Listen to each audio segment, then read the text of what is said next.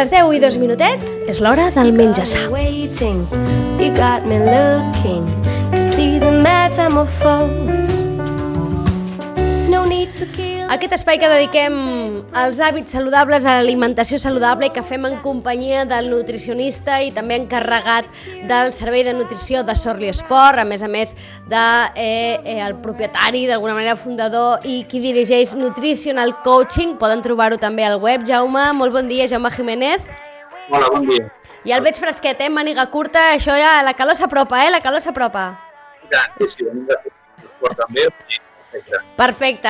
Eh, avui anem a parlar d'un tema que jo crec eh, que, que a molts els serà molt familiar, perquè probablement aquesta eh, bona notícia, que d'alguna manera és la creixent preocupació per la salut i el paper protagonista que se li està atorgant també a la nutrició, està probablement justificant l'aparició eh, de tot tipus de suplements, complements nutricionals, complexes vitamínics que ens prometen doncs, milions de coses, eh? En definitiva, allò de la vida eterna una mica, eh? eh S'ha convertit en un negoci gegantí, podríem dir, tot el tema del, dels suplements. Costa bastant resistir-s'hi, sobretot a partir de determinada edat, no? en què ens comencen a arribar inputs, i ara aquí estem parlant, i segur que el sona de l'omega-3, el col·làgen, el polen, la gelea real, la vitamina D, la vitamina C, en fi, multitud de suplements en format de pastilla, normalment, que ens diuen que són indispensables en la nostra vida, sobretot a partir de determinada edat. Per tant, Jaume, avui que volem parlar de suplements, la primera pregunta és molt fàcil. Són necessaris? A veure, uh, depèn. O sigui, la, la resposta és depèn. Sí que és veritat que si nosaltres fem una dieta lo suficientment saludable, una dieta variada, però sobretot variada en productes saludables, és fàcil cobrir totes les necessitats que tenim. Què passa? Que moltes vegades la dieta no és del tot saludable o, per una altra part, eh, fem eh, un volum d'activitat física important. Per tant, vol dir que els requeriments d'algunes vitamines i d'alguns minerals són superiors a la població normal. Aquestes serien les dues branques, no? D'acord, per tant, depèn, sempre depèn. I entenc que d'entrada sempre sota algun diagnòstic, és a dir, aquella frase de ja has complert els 40, a partir d'ara t'has de prendre col·làgen sí o sí, perquè si no eh, la teva pell eh, perdrà molta vitalitat, no? Ja no té res a veure amb l'edat, sinó amb el tema del col·làgen. Doncs mm, s'haurà de prendre, en tot cas, ja sigui el col·làgen o qualsevol altre tipus de suplement, en funció sempre d'un diagnòstic, Jaume. Exacte. O sigui, a veure, aquí el primer que tenim que tenir en compte és una bona alimentació, una bona alimentació rica en fruita i verdura, rica en productes vegetals, rica en, en, en, en aliments amb alta densitat nutricional eh, pot ser suficient per mantenir eh, la pell més jove, per mantenir la salut. Això és el, que, el primer que hem de tenir en compte. I en el cas de que veiem de que la nostra pauta d'alimentació, per el motiu que sigui, no és suficientment completa, podem valorar prendre algun tipus de suplement. El que passa que, tu dius el col·làgen, el col·làgen avui dia, per estètica, mmm, hi ha molta controvèrsia. O sigui que jo no em gastaria els diners en prendre col·làgen millorar la pell. Perquè moltes vegades la pell millora amb una bona hidratació, amb una bona alimentació, controlant l'exposició al sol. Això és, això és el principal. Perquè avui dia el col·làgen via oral perquè vagi a la pell, eh, això és una, una història difícil de, de creure. Uh -huh, però en tot cas ens ho venen, eh? I ens ho venen tot aquest, és el que parlàvem abans, tot aquest tema dels suplements, hi ha un negoci al darrere, eh, és obvi, no? I a partir de certa edat i costa molt resistir-se, no? Perquè de vegades un es mira al mirall i diu, caram, ostres, eh, estic fatal, tinc la pell apagada, vaig a prendre amb no sé quina vitamina que he vist en no sé quin anunci, que a més a més acostumen a posar un munt de noms químics, no? Que si té aminoàcids i no sé què i un munt de coses, que no entenem i que ens asseguren que si ens prenem allò la qüestió eh, eh, millora. Clar, pel que estàs explicant, entenc que si un porta una alimentació saludable i una vida sana, realment no hauria de tenir necessitat de prendre suplements al llarg de la seva vida. No tindria, per lo que tu dius, si la dieta ho cobreix bé. Clar, com saber si la dieta ni em cobreix bé? Home, estaria bé demanar assessorament, assessorament professional perquè un professional et digui, escolta, està bé, estàs menjant bé, fer-se proves analítiques també per valorar una miqueta com estem, com estem de ferro, com estem de vitamina D, o sigui, com estem d'aquest tipus de paràmetres que poden variar. I, I sobretot, jo també, a mi m'agrada, a la gent que pregunta per collagen a la consulta, que és molt fa, hi ha aliments que ens poden ajudar també. Per exemple, una bona ingesta de vitamina C, que la trobem als productes vegetals que es mengen fresc, d'acord? El pebrot vermell, el pebrot verd, les fruites, les verdures, tot això és molt ric en vitamina C. I després podem afegir productes rics en, eh, en l'aminoàcid prolina i l'aminoàcid lisina. On els trobem això? Per exemple, ho trobem al peix, ho trobem a la sèpia, eh, les cocotxes, per exemple, també són molt riques. Tots aquests productes oleaginosos, no? que són com gelatina, Sí, sí. la capipota, tot això eh, aporta aminoàcids que conjuntament amb vitamina C són precursors del col·làgen per part del cos. Per tant, en lloc de prendre productes eh, de col·làgen, que hi ha alguns que poden anar bé, eh? o sigui, jo no dic que no, però per la pell no. S'ha vist que a nivell articular hi ha algun col·làgen extret de la càscara de l'ou, que és un suplement molt específic, que a l'esport l'estem treballant, i sembla que pot anar bé per alguns problemes molt concrets a nivell articular, però la resta ha de ser l'alimentació. Productes com els que et dic, no? els eh, sèpia, calamar, eh, capipota, les cocotxes, tot això amb, amb aliments rics en vitamina C i un bon aport de proteïna. Això també és molt important. La gent no pren suficient quantitat de proteïna. Una persona que passa dels 40 tindria que prendre entre 1 i 1,5 grams de proteïna per quilo i no és fàcil cobrir això. Uh, amb això és possible que no necessitis prendre col·làgen, d'acord? Perquè l'alimentació i el cos, si li donem les eines, el cos pot fabricar el que necessita. Uh -huh. Altra qüestió relacionada amb el tema, Jaume, perquè és que moltes vegades també el que veiem és que hi ha tendència a eh, una tendència, una creença popular a que si et prens aquesta pastilla, ara dèiem col·làgen, eh, però és igual, li dic la d'omega 3, per exemple, que és una altra que també eh, se'n sent a parlar molt, no? Si et prens la pastilla d'omega 3, escolta'm, si després no prens tant de peix, eh, no passa res, no? És a dir, eh, que, una, que el suplement pot ser substitutori eh, de l'aliment i jo no sé si, a, encara que sigui amb un diagnòstic i per tant amb una necessitat diagnosticada, mai un suplement pot substituir l'aliment. Exacte. El que passa que molta gent pren suplements eh, per compensar una mala alimentació. Això és una altra cosa que no s'ha de fer mai a la vida. En el cas de l'omega-3 sí és important perquè això sí que és un problema, perquè avui dia què passa? Que les fonts d'omega-3 molta gent no les pren. Molta gent no pren, no pren peix blau. A més, hi ha un problema de contaminació per mercuri dels peixos blaus que són grans. Per tant, sí que és veritat que la dieta pot tenir una deficiència d'omega-3. I aquest, dintre del, del, dels suplements, l'omega-3 podria ser un suplement que fàcilment es podria incorporar. Per què? Per que dic, no? perquè molta gent no pren peix blau, eh, no pren eh, suficient fonts d'omega-3 i, i l'omega-3 té una funció molt important al cos. Per tant, aquí la suplementació podria ser interessant. Què passa?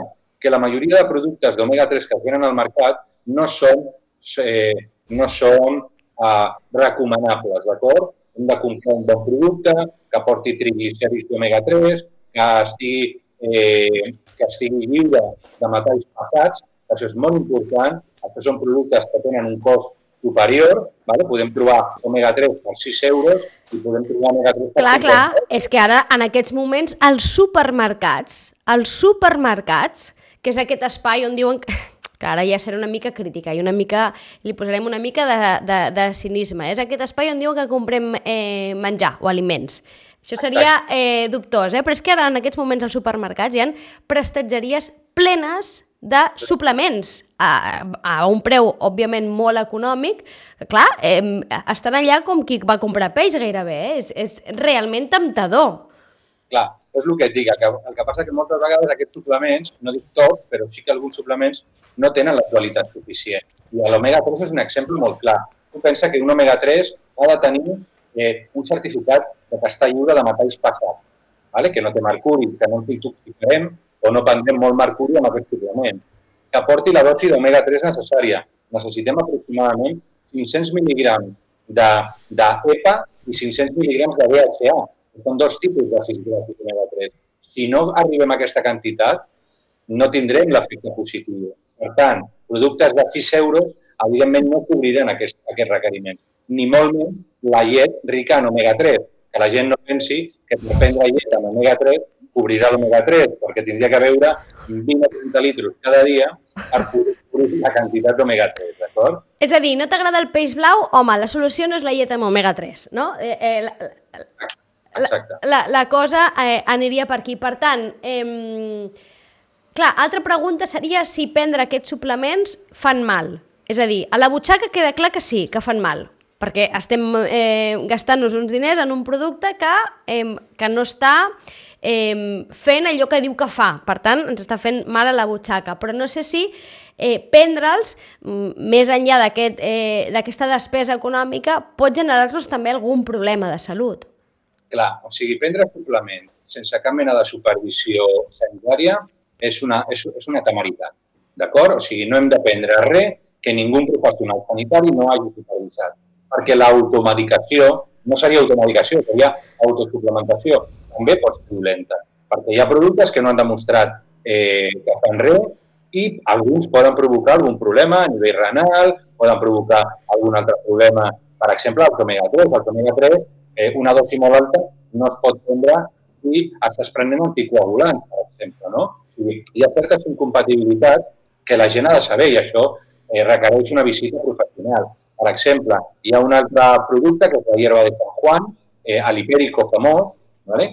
aquest producte no es pot prendre si la gent pren un tipus de medicació, antihipertensius, eh, eh, com el colesterol. Per tant, cuidado en prendre suplements sense cap mena de supervisió, d'acord? Perquè moltes vegades no seran necessaris i, o, per altre, o, per altres, eh, o altres vegades ens poden provocar un problema. Per tant, cuidado amb això. Uh -huh. Jo sempre insisteixo amb una bona alimentació, suficientment variada, saludable, amb, amb aliments rics en productes vegetals, una dieta frugívora, on l'aport més important sigui producte, eh, fruita i verdura, i una, i una part de proteïna de qualitat, i amb això segurament estarem cobrint per la majoria de persones. I aquelles persones que sentin fatiga, que passin dels 40, que facin esport, que tinguin alguna malaltia, doncs que demanin assessorament professional i el professional segurament li dirà què falta o quina prova s'ha de fer per veure si realment la persona té o no una deficiència. Uh -huh. Hem parlat d'alguns, jo diria, més, dels més populars, no? el col·lagen, l'omega-3, ara parlaves eh, d'aquest altre. Jo el pregunto també, per exemple, pel polen, la jalea real, tot això, que a més a més ja no només eh, ens ho venen i ens ho prenem moltes vegades eh, nosaltres com a adults, sinó que els hi donem als nens, a la canalla, que jo no sé fins a quin punt aquí els nutricionistes us poseu les mans al cap, no? Perquè és que el meu nen té mocs, no? És a l'hivern té mocs, que ja ho sabem que a l'hivern hi ha mocs a, a la canalla. Si li dones polen o li dones jalea real, escolta, amb això s'acaba, patapam. Bé, eh, bueno, tu dius molt bé tot això. Eh, a veure, el que hem de tenir en compte és que hem d'aprendre coses que la ciència ens digui que funcionen. Això és el principal. És a dir, és a dir, que la ciència diguin que funcionen vol dir que hi hagi algun estudi darrere d'aquest producte que avali que allò, quan t'ho prens, mm, té algun efecte beneficiós, eh? Hi hagi estudis seriosos, ben fets, per entitats, per bones entitats, amb bones publicacions, i avui dia eh, jo lamento dir que el polen i la jalea real no han demostrat tenir els efectes que se li pressuposa. No vol dir que siguin productes dolents, però si eh, ara que tenim el tema de la Covid i tot això, si pretenem combatre els símptomes de la Covid i tot això amb polen i jalea real, és complicat. Serà complicat perquè avui dia la ciència no, no avala cap mena de tractament amb aquest tipus de producte. I són molt venuts i, i jo he tingut una tenda de dietètica i sé del que parlo, no? Però hem de tenir cuidado i sobretot, no com nosaltres, però ja si li donem a nens, ja tenim que tenir molt cuidado, perquè clar, si el nen menja malament, el nen no, no fa esport li donem gelea real i li donem polen, home, potser sigui més fàcil endreçar una miqueta la casa abans de, de prendre qualsevol altra cosa. Jo crec que, que per aquí podria anar, tot i que també hi ha suplements per nens que són molt bons i, i funcionen molt bé, però s'ha de saber quin suplement i a quin nen eh, se li ha de donar i a quin, i a quin nen no li cal. Mm -hmm. És a dir, igual si veiem el nen cansat o més cansat de lo normal, la, entenc que l'actuació primera hauria de ser portar-lo a un metge, no? No comprar un complex vitamínic. Evi- Evidentment, jo sé que, que moltes vegades... Clar, Que es fa des de l'amor, eh? No ho dubtem que aquí, que això es fa des de l'amor, no? És a dir, els pares sempre volem el millor pels fills. absolutament. I cap pare ni cap mare li donarà polen pensant que no li farà bé al nen o la nena. Això és evident. Però tenim que tenir cura i, sobretot, el a mi me funciona, eh, jo y me va bien, hem de tenir cuidado amb això perquè aquests productes no són inocus. I que sigui natural no vol dir que no faci res. O sigui, la majoria de verins són naturals, provenen de plantes i maten. Per tant, hem de tenir cuidado amb el concepte natural, això s'ha donat tota la vida, perquè aquests, eh, aquestes justificacions avui dia no, no, no tenen cap de sentit. Per tant, hem d'alguna manera, activar com un filtre cada vegada que ens arriben aquests inputs d'aquesta gran quantitat de suplements que ens arriben constantment i jo no sé si t'hi trobes, Jaume, a la consulta, que les dones som, eh, som un, com un objectiu eh, més evident per tot aquest món de la suplementació, no? Perquè tinc la sensació que van molt més dirigits a les dones que no pas als homes. Home, la dona es cuida molt més que l'home. Això és una evidència claríssima i consulta tenim moltes més dones que homes, perquè la dona és molt més sensible a la salut, la dona és molt més, eh, eh, diguéssim, es preocupa molt més per tot, per la salut també de la família, i sí que és veritat que és un mercat, la dona és un mercat. Hi ha infinitud de suplementació enfocada aquí. Ara està creixent molt la suplementació ja de color rosa, no? ja enfocada justament per aquest col·lectiu. No no ens hem de, de deixar enganyar. O sigui, la dona pot necessitar algun tipus de suplement, això és correcte, en segons quines situacions. Però no tota aquesta situació d'avui dia, que sembla que la dona, si no prengui si no pren set o vuit coses diferents, eh, eh, envelirà, eh, estarà arrugada, tindrà mala salut. Això no és així. Perquè diria una cosa, la, la bona alimentació i l'exercici físic ajuden a combatre eh, una, un percentatge molt, molt alt dels símptomes que la dona pateix al llarg de la seva vida. Per tant, primer fem això i si amb això encara tenim coses, demanem assessorament qualificat. Per tant, eh, atenció, posem aquest filtre davant de tots aquests inputs. Assumim també que passen els anys, no? que envellim. Entenc que miracle, és a dir, el que segur que no hi ha és cap pastilleta que faci que no surtin arrugues, que la pell la tinguem terça com en 25. Això, de moment, no existeix. Això de moment és una pena, però no, no existeix. Per tant, allò de, la, vida, la vida eterna continua sent una utopia, eh? Exacte. L'altre dia llegia jo un article de que els multimilionaris, ara d'Estats Units, Jeff Bezos, Sí. sí. tots aquests, estan invertint infinitat de milions per uh, la píldora de l'eterna joventut. No? Imagina't, amb tota aquesta milionada que s'estan gastant, no hi ha res avui dia, no hi ha res. Sí, sí hi ha bons hàbits, no fumar, cuidar del sol, esport, bona alimentació. Evidentment, tenir bona vida social, emocionalment estar bé, descansar bé. Tot això, que sembla obvi, ho hem de fer, no perquè sigui obvi no, no és important. Tot això, per, per les arrugues, un bon descans és bàsic. I una bona alimentació també. Mhm, Dormir, i si tenim insomni, doncs aleshores anem al metge i que ens donin alguna cosa per l'insomni, no, no prendre'ns la pastilleta de col·lagen, perquè si no dormim, difícilment aquella pastilleta farà res i a sobre ens estarem deixant els diners perquè, a més a més, afegirem, més enllà d'aquests de supermercat que estan així, eh, hi ha gent que es deixa molts diners al mes en suplements, eh? Molts. Moltíssim. Bueno, és, és un mercat de milions d'euros que cada any puja encara més. I ara amb la Covid, encara més. Mhm. Per tant, ens quedem amb aquesta eh, afirmació de, de l'especialista, el nostre especialista del nutricionista, de Jaume Jiménez. Depèn. Cal, és necessari eh, prendre suplements? Doncs depèn. I bàsicament depèn de que t'ho diagnostiqui un professional eh, sanitari.